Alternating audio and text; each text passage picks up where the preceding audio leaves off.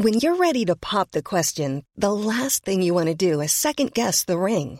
At Bluenile.com, you can design a one of a kind ring with the ease and convenience of shopping online. Choose your diamond and setting. When you find the one, you'll get it delivered right to your door. Go to Bluenile.com and use promo code LISTEN to get $50 off your purchase of $500 or more. That's code LISTEN at Bluenile.com for $50 off your purchase.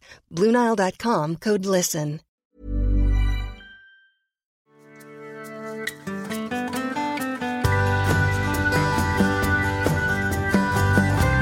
Hallå vänner!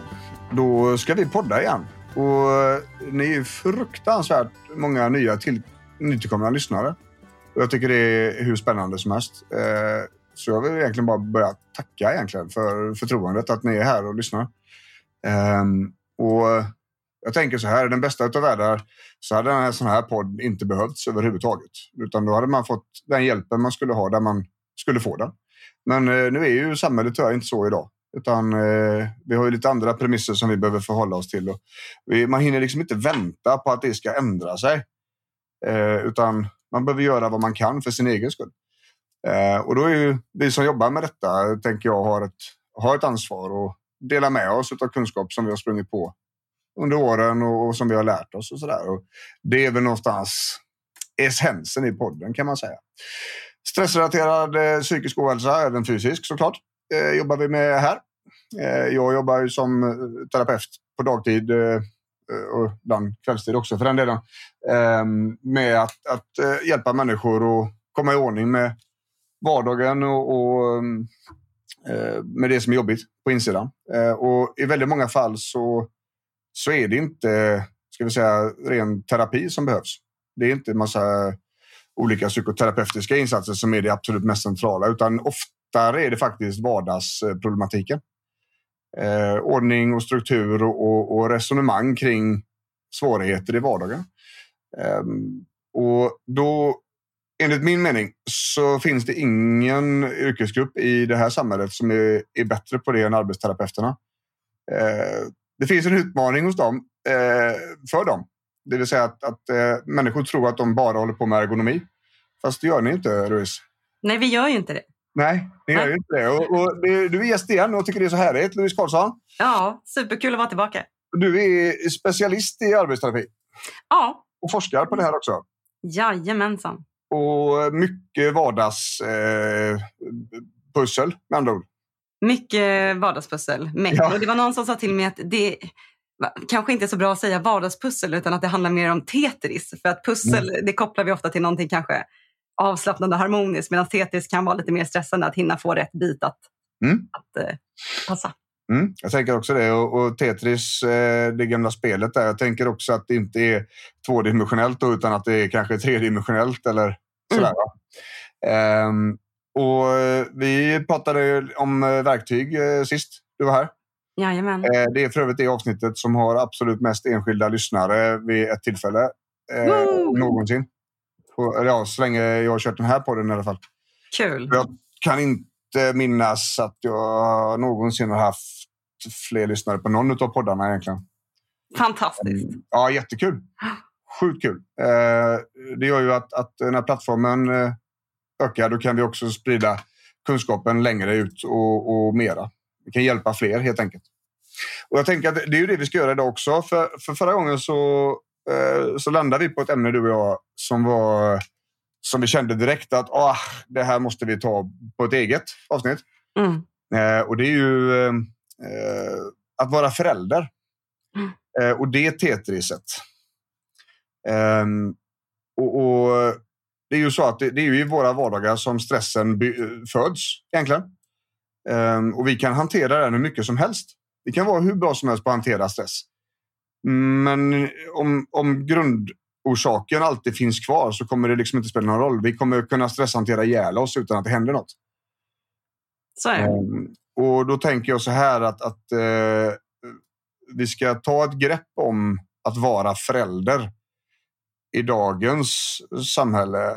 Uh, både ur perspektivet uh, jag som individ som har det tufft, men också just kring vardagen och strukturen i vardagen för att göra vardagen enklare och bättre fungerande för alla i hemmet. Så tänker jag. Ja, och det, alltså jag tänker också att det, det är så viktigt att lyfta eftersom att majoriteten, om vi tittar på vilka det är som är sjukskrivna på grund av stressrelaterad ohälsa, så är ju majoriteten småbarnsföräldrar eller föräldrar. Jo.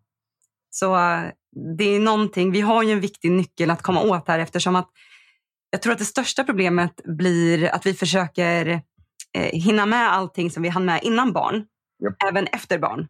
Trots Japp. att barnen tar väldigt mycket tid, både liksom, ja, ti- tid och kärlek och uppmärksamhet.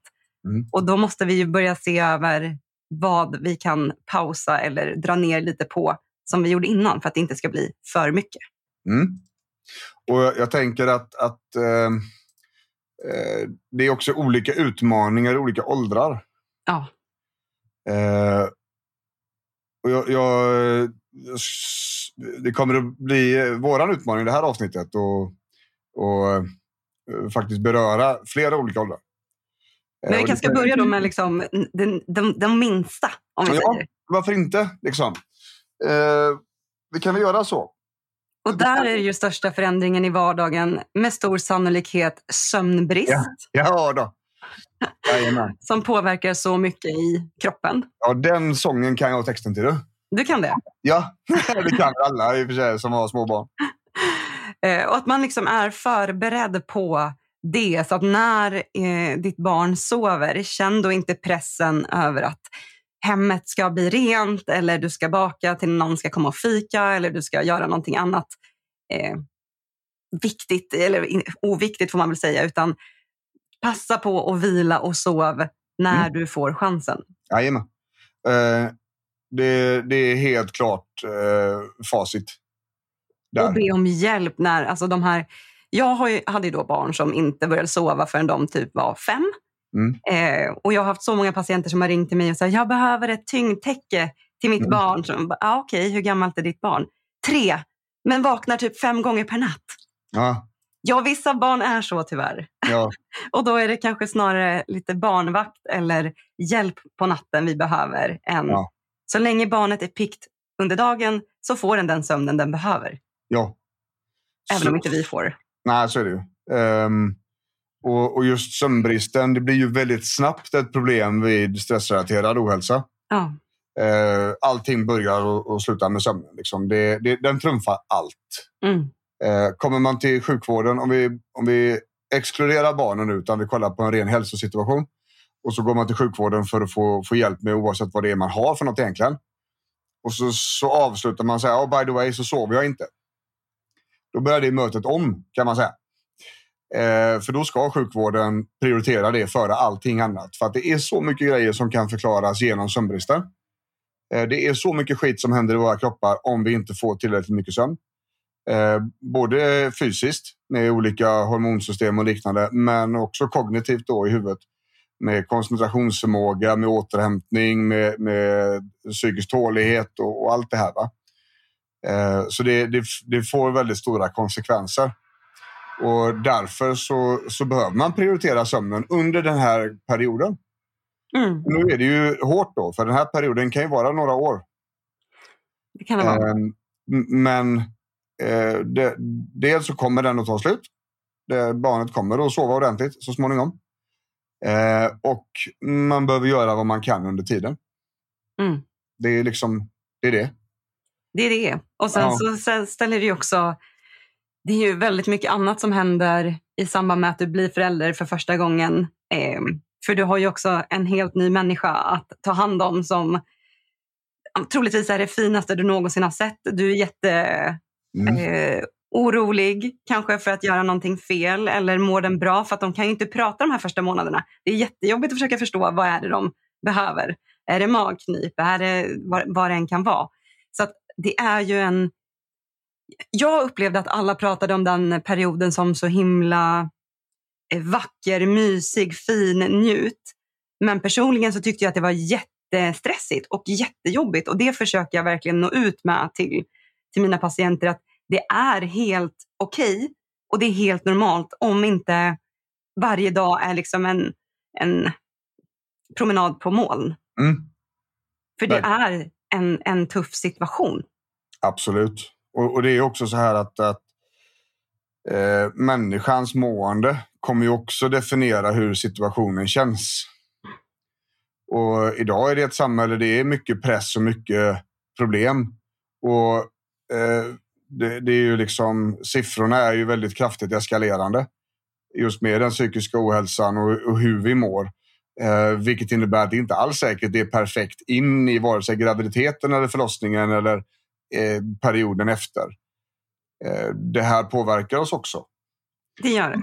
Och bara liksom vet, vet med er att det är, det är helt normalt. Det är inte kul, men se till att hitta någon att prata med. Om det inte är en partner eller BVC-sköterska, så liksom hitta någon att mm. ventilera med och känn inte liksom skuld eller skam över Nej. någonting, utan eh, allas resa är olika att bli föräldrar. Så är det ju. Och, och det man hade innan, det, det lär ju både finnas och kanske också vara förstärkt med trötthet, om man säger, med, med jobbiga saker. Mm. Och det är helt i sin ordning. Mm. Det, det, är inget farligt. Det är inget konstigt. Eh, och jag tänker, vi pratar mycket om att uh, hitta någon form av baslinje med att ta hand om sig själv. Sömnen är ju bland det viktigare där. Mat är också viktigt och rörelse. De tre grejerna. Alltså mat, sömn och fysisk aktivitet. Fokuserar man på det så, så har man en ganska bra förutsättning att låta huvudet och kroppen ta hand om saker och ting som, eh, som det är väldigt duktig på att göra. Mm. Um, så tänker jag. Och, det, och det, det, finns inget, inget rätt och inget fel. Och i den perioden då är det just struktur tycker jag som är, det är viktigt att ha med sig det. Ja, alltså, precis. För rutinerna kommer ju med största sannolikhet vara rubbade första månaderna eftersom att ja. då finns det inte direkt några rutiner hos de här små gullungarna. Men eh, när man väl börjar hitta lite rutiner så märker man ju också kanske ganska snabbt att barnen också kan må lite bättre av det. Alltså så enkla saker som fasta mattider, ja. eh, vilotider, Jajamän. läggdags. Mm. Absolut så. Och, och det, vi pratade ju om eh, inventering förra gången du var, var med. Mm. Eh, och just att skapa en struktur. Och, och det kan man absolut göra efter ett, liksom, några veckor med, med de minsta barnen. Liksom. Eh, mm. och sedan så får man ju förändra den. Man får göra om den inventeringen liksom med tiden eftersom sex månader på ett litet barn är väldigt lång tid i utveckling. Det händer exceptionellt mycket saker i de åldrarna. Um, och, och, då ändras också barnens förutsättningar och barnens behov så att man gör om den. Liksom. Med en eller två månaders mellanrum skulle jag säga. För att se att man är på banan. Liksom. Är, det, är det bra nu eller ska vi ändra det nu? Liksom? Jag tog ju fram en, eh, ett tillägg till befintlig föräldragrupp hos oss just för eh, småbarnsföräldrar eller nyblivna föräldrar. Och då var det både, jag inkluderade både liksom förstföderskor eh, men också de med flera barn. Mm. För att prata om just det här, men hur får jag ihop vardagspusslet nu som förälder? Mm. Eftersom att det är så mycket som påverkas alltså både i, i kropp och i knopp. Eh, mm. Och jag vet inte, jag känner inte många nyblivna föräldrar som inte har gått och du vet, vaggat kundvagnen som att man står och håller i en vagn eller går runt och hoppar fast man har liksom en påse mjöl i famnen. Ja. Man, man, går ju lite i den där dimman. Jajamän. Men sen så blir det också att prioriteringarna blir ju kanske lite förändrade och det kan ju också vara lite svårt att förhålla sig till från att man kanske har varit bara, bara jag och du till att nu har vi en ny och sen så går man in i prioriteringarna helt olika. Så att, att försöka liksom hitta vägar att mötas och, och prata om det här så att det inte blir något som orsakar mm. mer stress. Att nu har inte vi tid för varandra, vad händer då? Ja. Um, och inte låta det vara så, utan faktiskt gå, gå dit och kolla på problemet. Liksom. Ja. För, och... för barn är jättefint och sådär, men, men det skapar också en del negativitet. Eh, och det är helt rimligt att det gör det, för det är en väldigt stor förändring i en situation eh, som, som skapar liksom, kan, kan skapa friktion. Då. Och jag tänker att, att prata med varandra där och lyfta upp vad som är vad. Eh, och ifrån, även ifrån de här minsta åldrarna mm. med barn. Eh, att man inte glömmer bort människan bakom föräldraskapet. För, för det är någonstans när jag träffar patienter som har, som har hamnat i de lägena så, så är barnen kanske lite större. Vilket innebär att de har hållit på med det här i kanske tio års tid. Där de inte haft koll på sig själva utan allting har handlat om barn och, och mammarollen eller papparollen eller sådär. Va? Mm. Um, I många fall där så, så hänger det också ihop med eh, de här psykologiska mönstren vi pratar om just med, med prestation, alltså perfektionismen, att, att prestera eller leverera är det viktigaste och sådär. Och även underkastelse då som vi pratar mycket här i podden, att, att alla andra människors behov känns viktigare än mina. Um, och, och, det blir ju väldigt, uh, de mönstren blir väldigt kraftiga när det dyker upp ett litet barn. För här är det någon som har större behov än vad jag har. Uh, så jag kan alltid leverera på det de här mönstren föreslår att jag ska göra. Vilket innebär att man driver allt längre ut i periferin i sitt eget liv så att säga. Va? Eh, och det blir lurigt. För att då kan vi inte heller återhämta oss på ett bra sätt och, och vi kommer också i många avseenden att sänka värdet i vardagen. Allt värde blir placerat i föräldraskapet och i barnet. Fast, och det är bra och fint, men det räcker inte. Det är nog ett av de stora orsakerna till att människor som är föräldrar har stora utmaningar med måendet. Att det fattas en person i ekvationen hela tiden. Och det är en själv. Ja, alltså inom arbetsterapi så pratar vi väldigt mycket just om de här ja, men vad har vi för roller? Vad har vi för krav på oss i de olika rollerna? Hur påverkar våra värderingar och normer eh, det samspelet och hur påverkar också miljön och omgivningen det? Mm. Och den största rollen, den ny, största nya rollen vi kan ta oss an blir ju i princip föräldraskapet, alltså att bli ja. förälder. Ja. Eh, och det, ja, det, det, det, är mycket som händer där, men man kan ju också genom, vi pratade förra avsnittet om att kartlägga vardagen och de olika aktiviteterna. På samma sätt kan vi också kartlägga de här olika eh, rollerna vi har. Och vad ingår i de här olika rollerna och också se hur kan vi hjälpas åt. Ja. Har man ett barn som inte sover och eh, men är lite mer krävande så kan det ju vara jätteviktigt att man eh, som partner då kanske hjälper till att laga matlådor på söndagen. Mm. Eh, så att det finns att eh, den andra föräldern som är hemma bara kan värma på eller äta. Mm. Så att man ser till att man får i sig det här. För annars så är det ju kanske det som ryker eller man bara mm. tar en snabb chokladkaka i farten. Eller, mm. För att liksom försöka hitta det här, hur kan man underlätta för varandra i mm. vardagen? Och genom att göra det så kommer vi undvika också negativa spiraler. Mm. Det blir spin-offs som är svåra att stoppa. Mm. Eh, där det blir mindre och mindre energi, det blir taggigare och taggigare. Eh, det blir mer konflikt än det blir kommunikation. Eh, och, och, vi är ju inne på struktur där. Liksom. Eh, och, och, jag tror att det är, det är absolut viktigaste grejen, speciellt när vi pratar då i, i stressrelaterad ohälsa. I det perspektivet så, så är det där, det är där facit ligger. Eh, för att kunna må så bra man kan under en, en tid som är utmanande men också väldigt fin. Mm. Men för att den inte bara ska bli jobbig eh, och man ska utveckla mer problematik så är det vettigt att göra så här. Och det tänker jag under hela småbarnsåren egentligen fram mm. tills eh, alltså från, från födsel upp till ja, fyra, fem i alla fall. Eh, för vissa. Eh, och det, det, blir också väldigt stora, ska vi säga, det händer väldigt mycket med, de här, med barnen eh, på väldigt kort tid. Så det som vi pratar om idag behöver inte alls vara aktuellt om sex månader eller tre månader. Um, och samtidigt så kan situationen förändras åt andra håll om barnet är mycket sjukt och sådär. Mm. Um, så man får vara lite, lite lyhörd och lite på tå där och, och tänka att men, det här är en del av livet och vi måste se till att det här blir på ett schysst sätt. Och förr, för, för 10-20 år sedan, då behövde vi kanske inte prata om sådana här saker, men då var inte samhället som det är idag heller.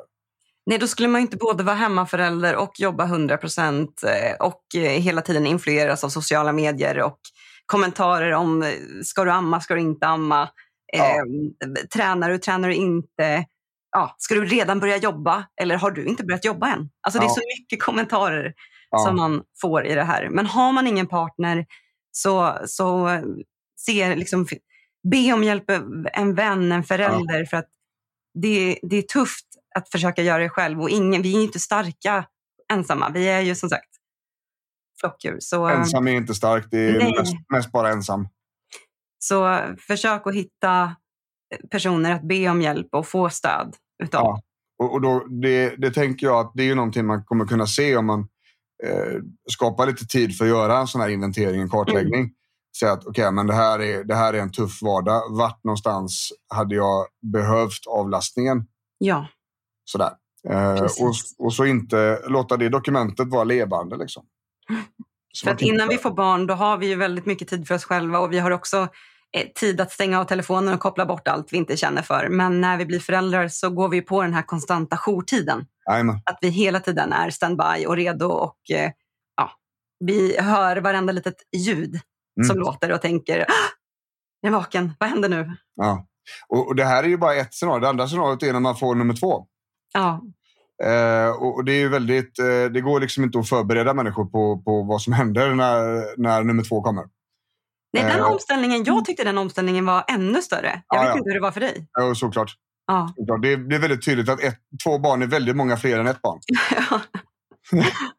och de sover aldrig samtidigt och Nej. behöver olika saker. Ja, och, och, där, där kommer ju ytterligare en utmaning. Då. då har man en person till som ska vara med i ekvationen. Mm. Sådär. Och, det... Egentligen i sak så är det, det är bara en, en, ny situation som man behöver inventera igen och som man behöver och titta på för vad den är så att säga. Och, eh, dels ge bägge, bägge barnen vad de behöver men också hitta gemensamma nämnare och, och även då eh, att man, man, hjälper hela familjen med struktur. Det är mm. viktigt att, att det äldre barnet också har någon form av ramverk. Precis. Så att det blir enkelt. va? Ja, bra rutiner. Ja, precis. Och det, det är väl lite grann det som är återkommande. Och jag tänker också rutinerna är det som är kanske ännu viktigare. Nästa, nästa fas, då, eller nästa ålderstrappa mm. som vi har sagt att ja, men, fr från fem sex uppåt en bit. va? Ehm, eh, lågstadiet, kanske in i mellanstadiet. Där, eh, där är det rutiner som är the name of the game. Mm. Ju bättre rutiner man har som alla förstår och som alla kan följa och som alla, som alla liksom är med på, som är begripliga, desto lättare kommer vardagen att bli. Ja, och här ställs ju vi föräldrar inför nya utmaningar med att eh, nu, nu kan vi inte ha lite flexibla lämnings och hämtningstider för skolan har tider när barnen ska vara på plats. Eh, det börjar också kanske komma massa fritidsaktiviteter som det ska hämtas och lämnas och köras och kanske också som man ska vara engagerad och vara ledare i. Eh, vi pratade lite innan vi började spela in just om att ja, men nu börjar det också komma lite krav på att man ska göra läxor eh, eller att man liksom ska passa. Men det, det, går, det börjar ändå övergå lite mer från lek till faktiskt lektioner. Mm. Och det blir ju kanske en, en ytterligare stress att hinna med. Ja, absolut. Eh, och, och, jag tänker så här. Eh, vi, kan, vi kan ta de två ämnena. Eh, dels fritidsaktiviteter och dels skolan. Bägge de två har ju ska vi säga, egna utmaningar. Eh, när det gäller fritidsaktiviteter eh, så kanske det är så att barnen vill göra allt och massa olika roliga saker. Men det innebär att mamma och pappa får hämta, lämna, fixa, trixa. Eh, vi vill ju också att barnen rör på sig. Det har vi blivit matade med att barn rör på sig för lite idag. Så fysisk aktivitet, det vill säga idrotter, är någonting som är önskvärt. Helt enkelt. Idrotten bygger ju också eh, kompetenser, sociala kompetenser, disciplin, eh, eh, liksom kamratskap. All, alla de här fina sakerna som vi vill att barnen lär sig. Eh, och det, det, jag tänker på framför allt här då, och när det gäller föräldraskap och stressrelaterad ohälsa, det är att Eh, det, det, finns ju på no, något, något sätt också en... Det måste vara rimligt med hur många aktiviteter barnen gör. Oh ja. Det, där springer jag på väldigt ofta att, ja men herregud, vadå, vadå tre olika idrotter? Nej, det är inte tre olika idrotter. Vi kan välja en. Mm. Det är rimligt. Och här, Det är ju jätteviktigt det du säger, för det är det, det, vi hör om mycket i media det är ju det här med rörelse för barn, att det är jätteviktigt. Och det är jätteviktigt. Men vi har också barn som rör sig hela tiden. Mm. Och här blir det minst lika viktigt att få in eh, återhämtning och vila. Mm. Så att ett barn, occupational balance, som jag jobbar väldigt mycket utifrån, det är ju minst lika viktigt för barnen att de ska också ha en rimlig mängd aktiviteter och de ska också ha aktiviteter de mår bra utav. Men de ska också lära sig att hitta, att varva ner, mm. vad som är en lagom nivå med aktiviteter så att det inte blir att man kommer till fritids 07 innan skolan, sen går man i skolan, sen är det fritids efteråt, sen blir man hämtad, en macka i bilen på väg till en aktivitet, mm. gör den aktiviteten och i vissa fall kanske till och med så att sen åker vi på nästa aktivitet mm. innan vi kommer hem, duschar och ska gå och lägga oss. Ja, om vi då inte har läxor innan då. Precis, som också ska in. Ja, eh, och det där är ju ingen rimlig aktivitetsnivå skulle jag säga för barn. Inte, inte för, alltså, det finns säkert barn som klarar av det, men eh, många behöver nog faktiskt också mer vila och nedvarvning. Ja, och frågan är, tänker jag, då, definitionen på klara av det. Ja, absolut. Ska barnen verkligen klara av det situationstecken? Mm. Är, är, det, är det en rimlig nivå utav prestation som vi visar dem där? Mm. Eh, jag tänker snarare att det ska inte vara några som helst problem att utföra detta och fortfarande ha god tid till lek, avkoppling, avslappning oavsett hur barnet föredrar att göra. Liksom. Ja, och det, men föräldrar kan ju uppleva att det är väldigt svårt just att man vill inte vara elak. Mitt barn vill göra allt det här och jag vill ju inte vara elak och säga att de inte får. Mm. Eh, men det är också någonting man kan se hos, hos mina stressade mm. eh, patienter att en, en gemensam faktor det är att de aldrig behövde prioritera mellan sina aktiviteter när de var små. De mm. fick göra allting, det var ingen som begränsade. Och då har man inte lärt sig att prioritera upp i vuxen ålder heller. Vad tycker jag är roligast? Vad är viktigast? Och just också det här att prioritera vila och återhämtning. Mm. Eh, så där kan man ju liksom försöka ta stöd i det, tänker jag. Att även om det känns jobbigt att säga nej till sina barn, eh, att liksom, men nu får vi göra upp en plan. Vilka aktiviteter eh, vill du prova? Och sen prioriterar vi mellan dem med ett till fem eller hur många de nu vill prova. Mm. Och så får man helt enkelt köra, då provar vi den, den här eller de här två den här terminen. Mm. Och sen så ser vi om vi provar de andra nästa termin. Att allt mm. behöver inte provas precis just nu. Nej, och det är just det här, eh, de här psykologiska mönstren vi pratar om. Eh, där prestation, alltså prestationsångest och de här grejerna. Att, att eh, det känns väldigt fint att leverera. Eller att det blir en lättnadskänsla när man har presterat. Men det finns liksom ingen riktig njutning där. Eh, det är ju ofta sådana här situationer som har utvecklat den typen av mönster. Mm. Där, det, där det var väldigt starkt fokus på prestation. Antingen fick man beröm och cred då eh, och, och, då kändes det bra, då ville man göra det mer. Eh, eller så, så var det mellan raderna, liksom att Nej, så här gjorde jag. Eller jag gör så här mycket, då, då gör vi så här mycket. Hela familjen gör så här mycket bara för att mamma gör så här mycket. Mm. Eh, och Då säger schematerapin så att, att eh, en av grundproblemen, det vill säga det, som de uttrycker det frustrerade behovet för barn, det vill säga det behovet som inte är uppfyllt för barnen som utvecklar den här typen av mönster, det är just hjälpen eh, till balans mellan lek och allvar. Man fick liksom, det var, det var mer prioritet på att göra saker och, och, och det var det viktiga. Men att, att eh, koppla av det fick man göra när man var klar. Eh, och där behöver vi hjälpa barnen att förstå att det är okej okay att bara sitta ner efter skolan och göra ingenting tills vi går och lägger oss. Mm. Och så är det bra med det. Sen är det kanske träning imorgon. Sådär, man får, får hjälpa barnen att hitta en balans också. Det, är ju en, en, det börjar i de här åldrarna. Alltså. Det är så, för när vi, när vi vuxna människor, när vi brottas med de här reflexerna som vi har, så är de, de är ifrån de här åldrarna. Känslor har ingen, ingen, ingen ålder. Så mycket av det man upplever idag är gamla grejer och det, det kan vara ifrån de här åren. Alltså. Och där, där har vi föräldrar ett jätteansvar.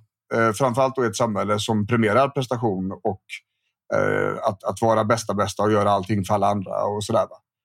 Vi behöver lära barnen att ta hand om oss själva, sig själva. Och, och då är ju bästa sättet det är att visa hur man gör. Ja, precis. Vi inom arbetsterapi säger vi hela tiden learning by doing. Mm. Eh, men här är det också, som sagt, barn gör ju inte som vi säger, de gör ju som vi gör. Yep. Så hur kan vi föregå med gott exempel? Eh, men också vara så medvetna om att det är okej att göra fel. Eh, mm. Det är okej. Jag fastnar också i telefonen och säger mamma ska snart och barnen behöver påminna mig att men mamma, sluta, släpp ja. jobbet eller vad det nu kan vara. Ja. och att veta att det är inget vi alla gör det bästa utifrån de förutsättningarna eh, och den kunskapen vi har. Ja. Och, det är ju det, det är därför man vill lära sig nytt.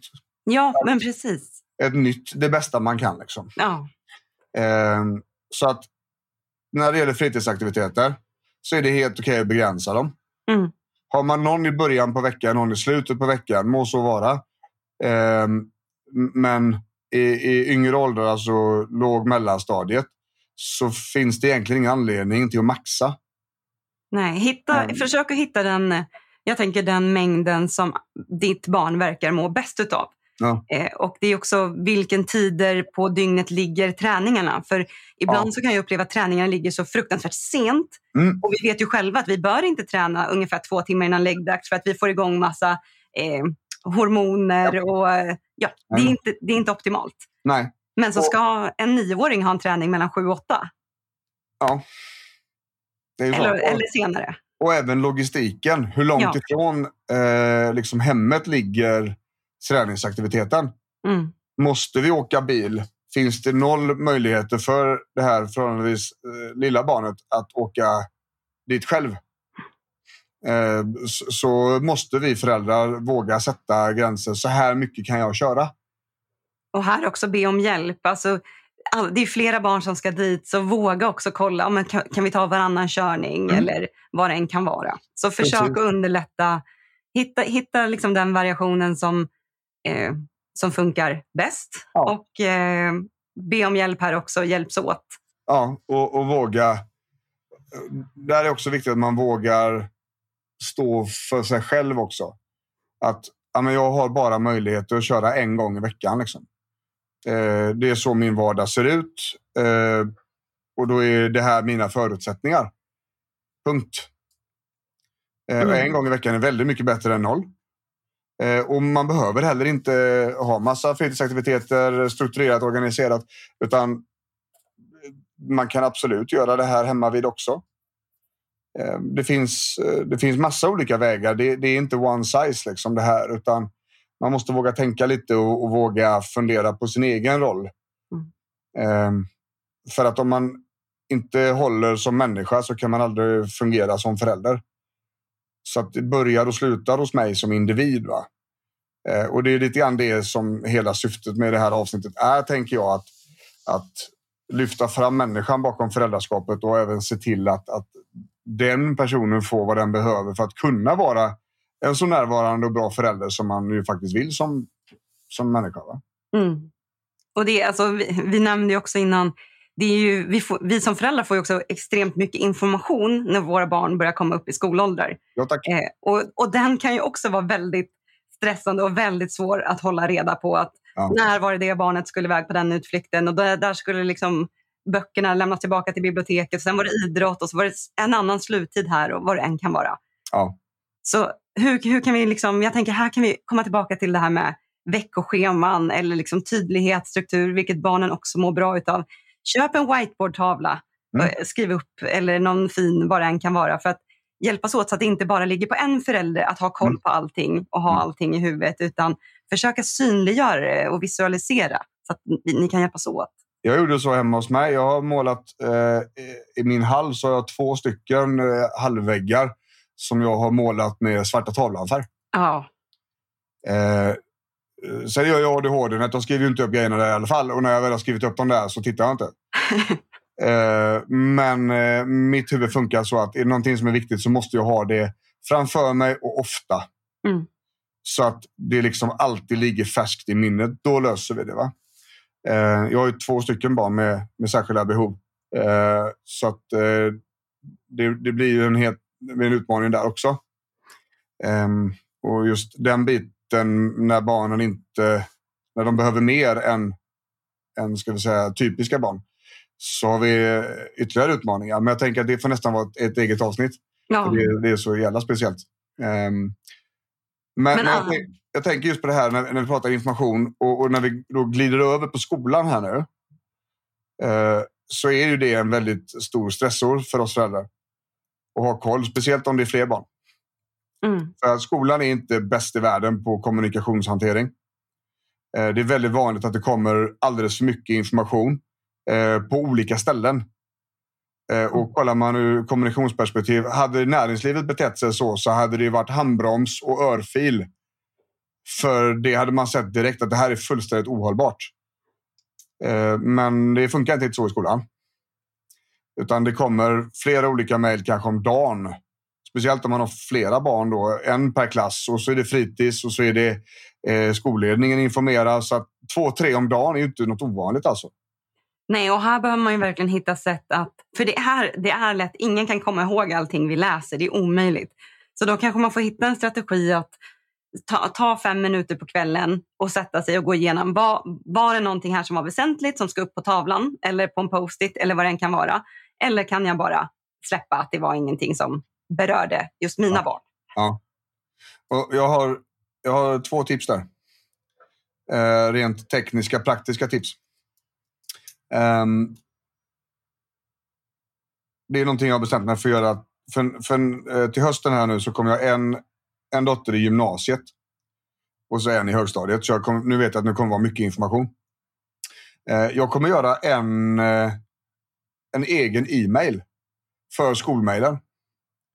För som det är nu så kommer den till en e-postlåda som har ganska hög trafik på sig. Eh, och det är väldigt lätt att man har en mail till allt. Eh, det är jättesvårt att sålla där. Och ju mer tempo det blir i huvudet och ju mer det är grejer att hålla ordning på vardagen, ju svårare blir det med information och stressen kan öka.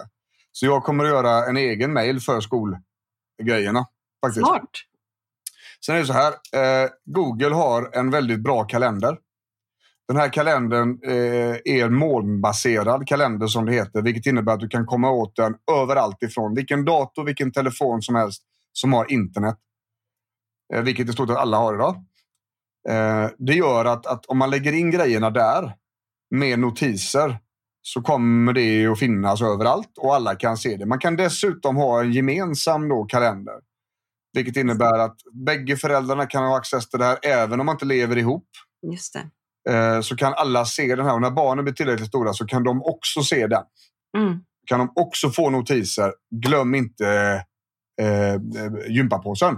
Bra tips. Eh, så rent tekniska saker så finns det ganska mycket att göra här när det gäller skoldelen och just informationshanteringen som jag själv upplever som ganska stor stressor.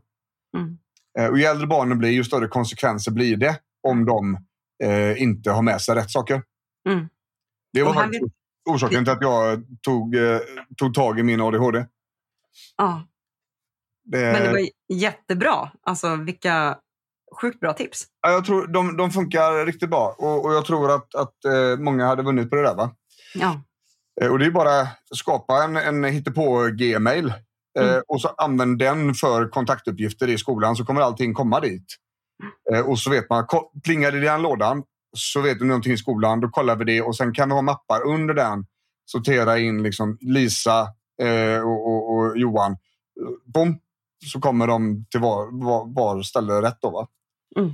Men framförallt kalendern där tycker jag är, den är viktig för mig. Eh, Mm. och att det kommer notiser. För det går ju att ställa in där. Man kan ställa in flera stycken notiser. Notis ett kommer en dag innan. Notis två kommer två timmar innan. Mm. Så att det finns alltid en möjlighet att se det på, på luren. Att pang, nu, just det, det var det här jag skulle göra. Bra. Mm. Och där tror jag vi kan klippa mycket stress. Ja, det blir ju definitivt ett, ett bra hjälpmedel, tänker jag, i vardagen. Jag tror med det. Och just när det gäller stress och skolan så är det ju så att skolan idag är ju väldigt... Eh, det finns mycket att säga om det. Det finns väldigt mycket och de har stora utmaningar. Så är det. Eh, den här miljön är definitivt inte för alla barn och det var inte så länge sedan. Det var bara för några dagar sedan så det kom en ny rapport om eh, psykisk ohälsa för barn i 11, 13 och 15 års åldern. Mm. Och det, var, det, jag det är nog inte uppmätt sämre än vad det är nu. Nej, och jag tänker att det finns ju ingenting som kan stressa oss eh, föräldrar mer än att om våra barn mår dåligt av någon anledning. Nej. Så att, och jag fick ju hem här i förrgår fick jag hem en liten bok från Suicide Zero där det står livs, den heter Livsviktiga snack. Och det Mm. är, eh, jag tror att den skickas ut till alla föräldrar som har nioåringar och 13-åringar. Det står i alla fall det. Och Men, du, och, du bor i Stockholmsområdet, eller var bor du? ja, Sörmland.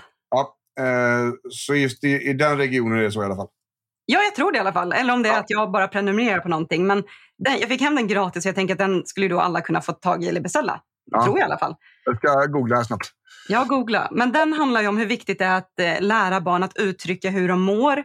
Att hitta när på dygnet som barnen eh, har sin prattid. Och jag tror att många känner igen sig i att man kan liksom fråga efter skolan, hur var det idag? Ja, det var bra. Okej, så sitter man vid middagen och de liksom är lite utzoomade, pratar inte så mycket. Men så fort man ska gå och lägga sig, då börjar munnen liksom, ja men åh, det här hände och det här hände.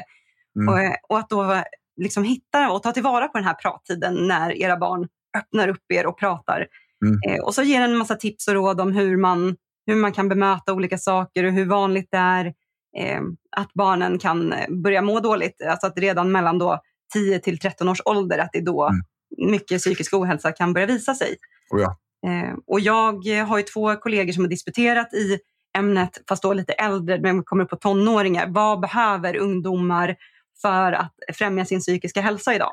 Mm. Eh, och det visar ju att de behöver ett gott socialt kapital, alltså många vuxna runt omkring sig eh, som de kan prata med, som de känner trygghet och eh, eh som de kan liksom lita på. Eh, men också att de, behöver ha, de vill ha mer kunskap mm. om vad är psykisk hälsa eller psykisk ohälsa? Vad mm. är ångest? Vad är, alltså att, eh, att vi kan, ja men vi får väl helt enkelt utbilda oss lite mer för att kunna ha de här samtalen med mm. våra barn. Det finns ju en kampanj igång nu också som heter ja. Psykisk ohälsa på schemat. Så viktig. Ja, absolut. Eh, och, det, det, är absolut så att det är en viktig del. Mm. Eh, jag personligen tycker att det finns en fara med att alltid lägga över allting på skolan. Eh, mm. vi flyttar mycket ansvar ifrån ett normalt föräldraansvar till skolans värld som redan nu har enorma utmaningar. Eh, jag tycker att vi missar föräldrarna lite väl mycket faktiskt. Här pratar ju faktiskt eh, eh, vi, några jag samverkar med kring, kan vi ha en eh, utbildning där vi bjuder in föräldrar eh, när barnen då ska börja förskoleklass eller ettan eh, och sen ha en likadan när de ska börja högstadiet ja. för att diskutera sådana här saker, de här svårigheterna. Hur pratar vi? Vad gör vi? Ja. Eh, för jag håller med, det ska inte bara ligga på skolan, det ska vara ett delat ansvar. Det, ja. det är så jag ser det. För att alla, alla föräldrar, eller alla barn har inte möjligheten att få föräldrar som kanske känner sig trygga att diskutera. Så att det behöver finnas, som sagt, alla är vi vuxna i samhället och vi alla behöver kunna ta de här lite enklare samtalen eller kunna vara de här trygga vuxna som, som lyssnar och ser våra barn och unga. Mm. Och det, det blir ju svårt när man inte mår bra själv. Det blir ju väldigt svårt. Och eh, som sagt, har du något man idag som förälder säkert känner igen sig i, det är att man försöker som sagt multitaska och vara effektiv. Samtidigt som vi torkar av bordet så hjälper vi barnen med läxorna och vi sätter på eh, torktumlaren, vi släpper ut hunden, vad det än kan vara. Mm. Och det rörelsemönstret, ett stressat rörelsemönster kommer både få lura din egen hjärna att du är stressad, även om du själv tänker att du bara ska vara effektiv. Och det barnen ser triggar också att okej, okay, mamma eller pappa är stressade eller har mycket att göra. Ja. Eh, så att vi måste ju, eh, på tal om att de, ja, de gör inte som vi säger, de gör som vi gör, att försöka att liksom sakta ner vårt eget rörelsemönster också. Mm. Och jag, tänker, jag tänker lite grann på det där. Um, just med uh, både med, med samtal och med barnen och hur vi själva är. Uh, när vi har kommit till insikt och när vi har hört det, fått det till oss, eh, insett det, så finns det egentligen inget bättre för en förälder än att agera på det. Även om, det är, även om man har liksom hamnat snett, gjort, gjort lite tokigheter. Ehm, um, så, så om barnet säger mamma vad, vad, vad bråttom du verkar ha, liksom, eller nu är du sådär igen. Så, att man bara, ja, fan det är jag ju. Och så lägger man ner trasan och så bara sätter man sig att man visar liksom barnet att, att deras eh, reflektion har en plats och, och, den är viktig och, och jag kan faktiskt lyssna på den och följa det rådet mm. som på något vis kommer mellan raderna där. Tack för att du påminner mig. Ja, och gud vad bra. Ja, ja. du har helt rätt. Eh, men men eh, jag känner att jag har bråttom med det här. Och så kan man då, det är ju inte säkert att barnet har rätt. Det kanske är en situation där man har lite bråttom, man måste göra sakerna lite snabbare än vad man kanske har tänkt sig. Och så, och så är det okej. Okay. Men, men, det viktiga är reflektionen någonstans. Jag tror att det är en, en del av eh, föräldraskapets viktigaste punkter. Att våga liksom ta att man har hamnat och gjort på ett sätt som man kanske inte vill göra. Jag ska inte säga att man gjort fel, men våga anamma det faktum att vi inte alltid gör rätt. För barnen ska inte ha perfekta föräldrar. För det kommer utveckla helt andra dåliga mönster. Finns det ens perfekta föräldrar? Nej, men fasaden kan vara perfekt. Mm. Eh, och, och, det kommer utveckla sin sak, eh, att barnet kanske inte får hjälp med hur de ska hantera känslorna när de har gjort fel. För mamma gör aldrig fel. Mm. Eh, så vi kan visa barnen på ett sätt liksom att okej, okay, så här gör vi, det här är okej. Okay. Och, och allra helst då, som jag tycker eftersom det här är min stora grej, det, det är att visa barnen att okej, okay, så, här, eh, så här känns det på insidan, då behöver jag göra så här. Så här känns det på min insida nu, det är okej okay, och då gör man så här. Mm.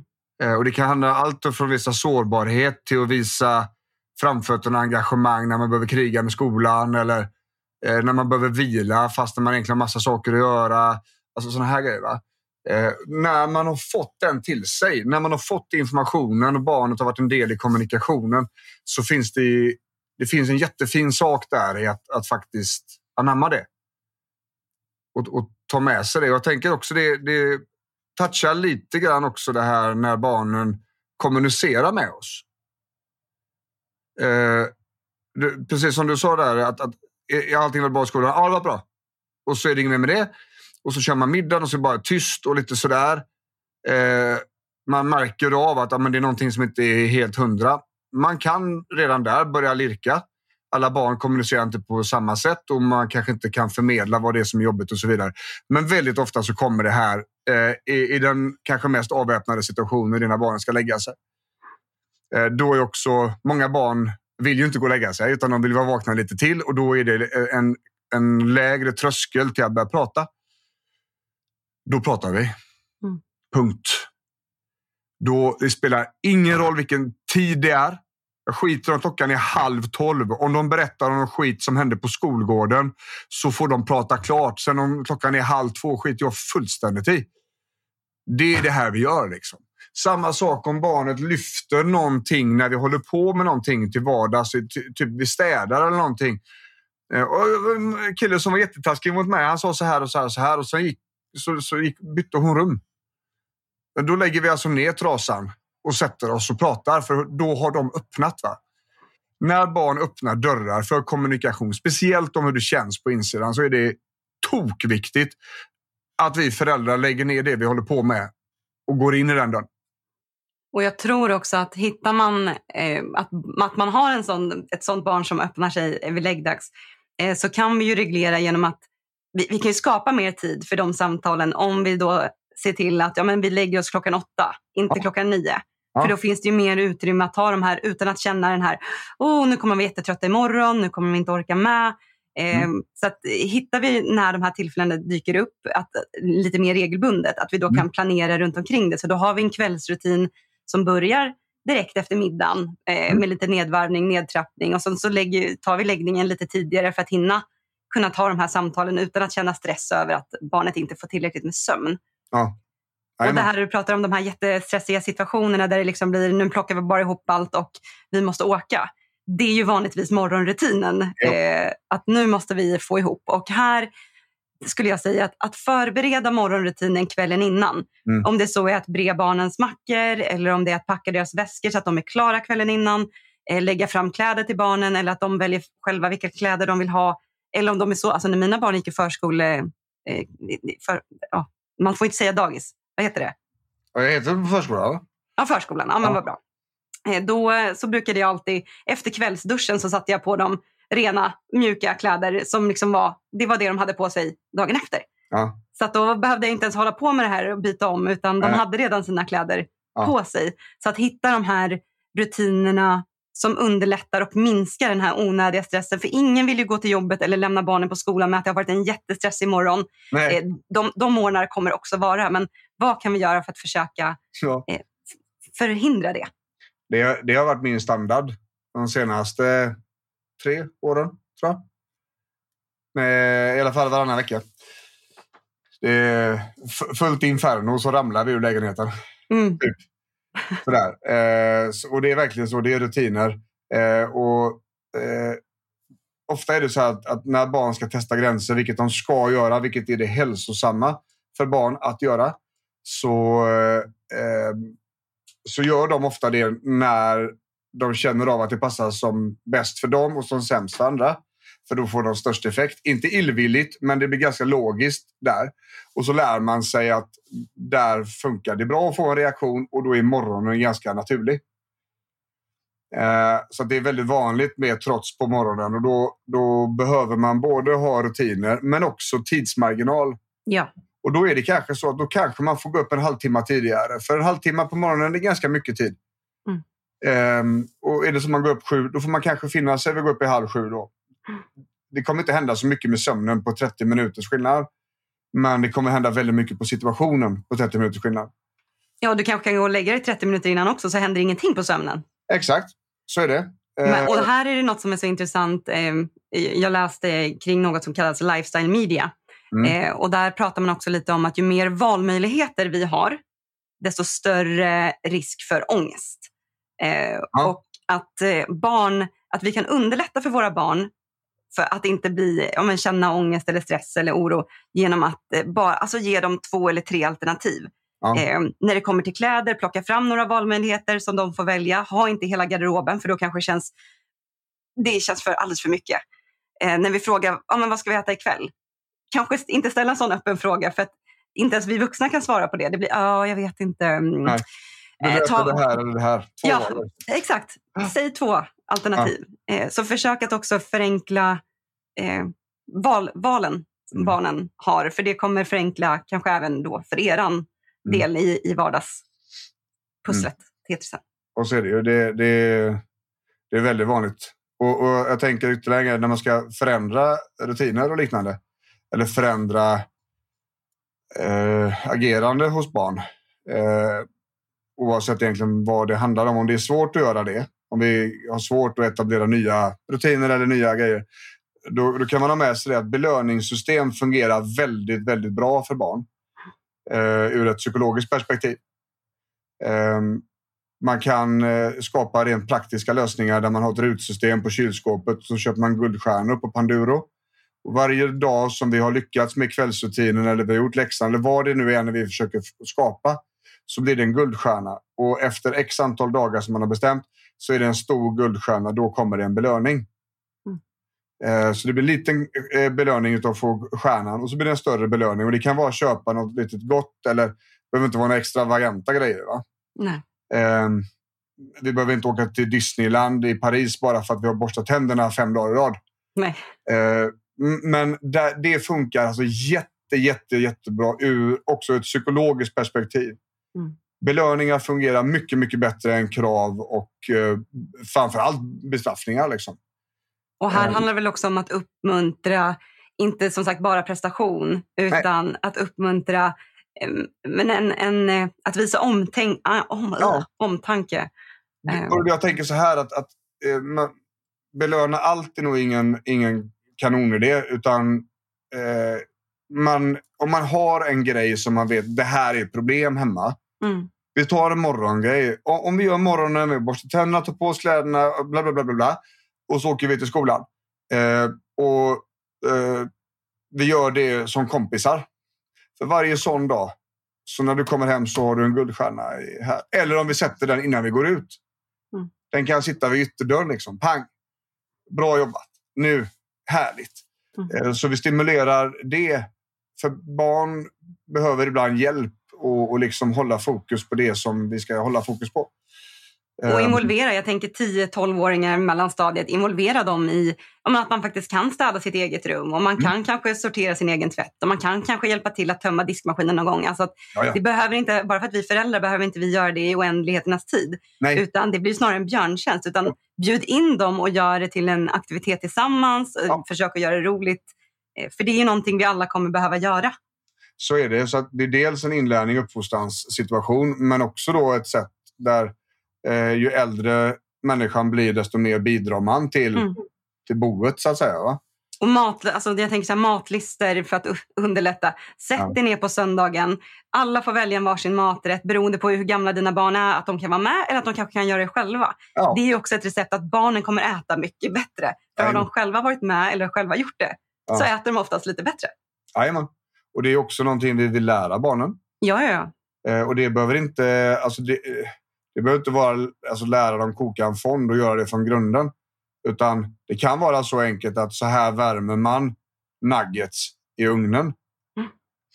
Uh, det är, barn behöver inte äta perfekt. Det är helt okej okay att äta lite skräpigt.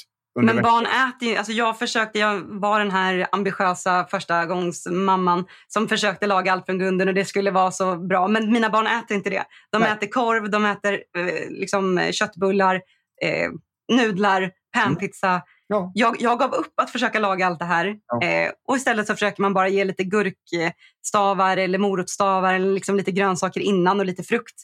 Ja. Och sen så får de äta det de äter. Jajamän. Och det finns ju en gräns där för med mycket insatser som kan anses vara rimligt. Och är det dessutom att man är väldigt påverkad som förälder av stress och, och utmattning till exempel så kommer den grejen att kunna förvärra situationen jättestarkt. Ja, man eh. måste inte vara den här perfekta som man kanske ser på sociala medier där man ja, bakar sitt eget bröd och liksom lagar allting för grunden. Vi, det är helt okej okay att man inte hinner det i, i vardagsstressen. Ja, och sen kommer det också eh, lägen som eh, hemma hos mig. Eh, det finns en problematik med selektivt ätande, det vill säga mm. det är kopplat till diagnos. Mm. Eh, ät, om inte hon äter det så äter hon faktiskt inget. Nej. Då blir hon jättesårbar i huvudet och då ökar ångesten och då ökar problemen. Så att jag får ju välja så här eller så här. Eh, och ibland så är det så, men jag vill bara ha pasta och sås. Okej, okay. då blir det pasta och sås. Men då dricker vi mjölk till detta. Mm. För protein måste du ha i dig. Och så äter vi frukt till efterrätt. Mm. Perfekt. Så försöka kombinera grejerna ändå så att det blir helt okej. Okay. Eh, mm. och att barnet är piggt och har energi. Så det är större problem för barn att de inte har energi idag än att de är undernärda i regel. Um, så, så, att uh, det, där finns det jättemycket att kolla på också. Men i hela liksom, inventeringen och rutinen och det här, de här största penseldragen så ska man också få med sig de här sakerna. Att det här är stressorer, här måste vi kolla på. Vi fixar månaderna och vi vill kolla på måltiderna. Bra, börja där då. Ta det först. Och vill man verkligen liksom laga, eh, för jag säger ingenting är rätt eller fel, vill man laga mat från grunden och man känner att det är värdefullt för en, hitta då en tid att göra det som det inte blir stressat. Som sagt, kanske, kanske är det söndagen mm. eller lördagen och så har du det klart till veckan så du bara kan värma det. Ja, ganska enkelt ur det perspektivet. Liksom. Ja. Så det finns hur mycket som helst att prata vidare om där. Men jag tänker så här att vi behöver avrunda nu för jag har patient om några minuter. Ja. Eh, och jag tänker så här. Vi har en eh, åldersgrupp av barn som vi inte har berört ännu. Eh, och jag tror det är bra. Eh, för när de blir tonåringar, då är det helt plötsligt eh, eh, små vuxna. Med mm. väldigt ska vi säga, annorlunda förutsättningar än vad de små barnen har. Så jag tänker att det är nästan en helt egen, ett eget avsnitt Ja, vi har inte ens hunnit komma in på det här med sociala medier och skärmar. Och... Nej. Nej. Och det, det, det, tänker jag, det blir väl också, det är klart det går ner i åldrarna, men, men eh, jag tror ändå att det är, är tonåringarna som har störst besvär med det där, så att säga. Det är ju eh, egentligen åldersgräns på alla de här sociala medierna. Så att, eh... Ja, rent tekniskt sett ja. Rent tekniskt sett. Mm. Ja, så, så jag tänker att det får nästan bli vårt nästa avsnitt. Det låter bra. Tonåringar, tonårsgrejen där. Um, Med, med liksom hur, hjälp, hur hanterar vi det som föräldrar och hur, hur hjälper vi tonåringarna att fungera Mm. i, i vardagen och livet. Liksom. Så Mm. att ett avsnitt som är fullbankat med tips och tricks, eh, fritidsaktiviteterna, skolan eh, och även då rutiner som förälder, eh, struktur. Eh, olika sätt att underlätta vardagen på egentligen. Mm. Eh, det tänker jag är ett alldeles lysande sätt att runda av säcken på så att säga. Eh, du har en Instagram. Ja, det har jag. Eh, vardagsforskaren. Stämmer bra. Eh, och där är det massa bra tips. Grejer hela tiden. Och det är väl också ett ganska bra sätt att komma i kontakt. Du har väl kontaktuppgifter och sånt där? va? Ifall man... Jajamän, där är det bara att skicka ett DM. Ja, perfekt så. Men du, då låter vi lyssnarna vara för idag. Ja, Eh, och så hittar vi en ny datum för nästa avsnitt just om tonåringarna där och själva strukturen tror jag blir skitbra. yes. Ehm, ja, vill man komma i kontakt med mig så är snabbaste vägen bjornrudman.se. Eh, och eh, där kan man ju boka sig en bedömningstid så ser man om jag är rätt gubbe och sitta vid andra sidan bordet så att säga. Eh, och där finns också mer information om, om tjänster och en hel del artiklar och liknande. Jag håller på att bygga om den just nu också så det, det blir gött här framöver. Men du Louise, stort tack för att du kom idag också. Vi Tack snälla. ses snart igen va? Det gör vi. Så eh, har du en jättegod dag så har lyssnarna också det. Så hörs vi snart igen. Ha det gött! Ha det gött.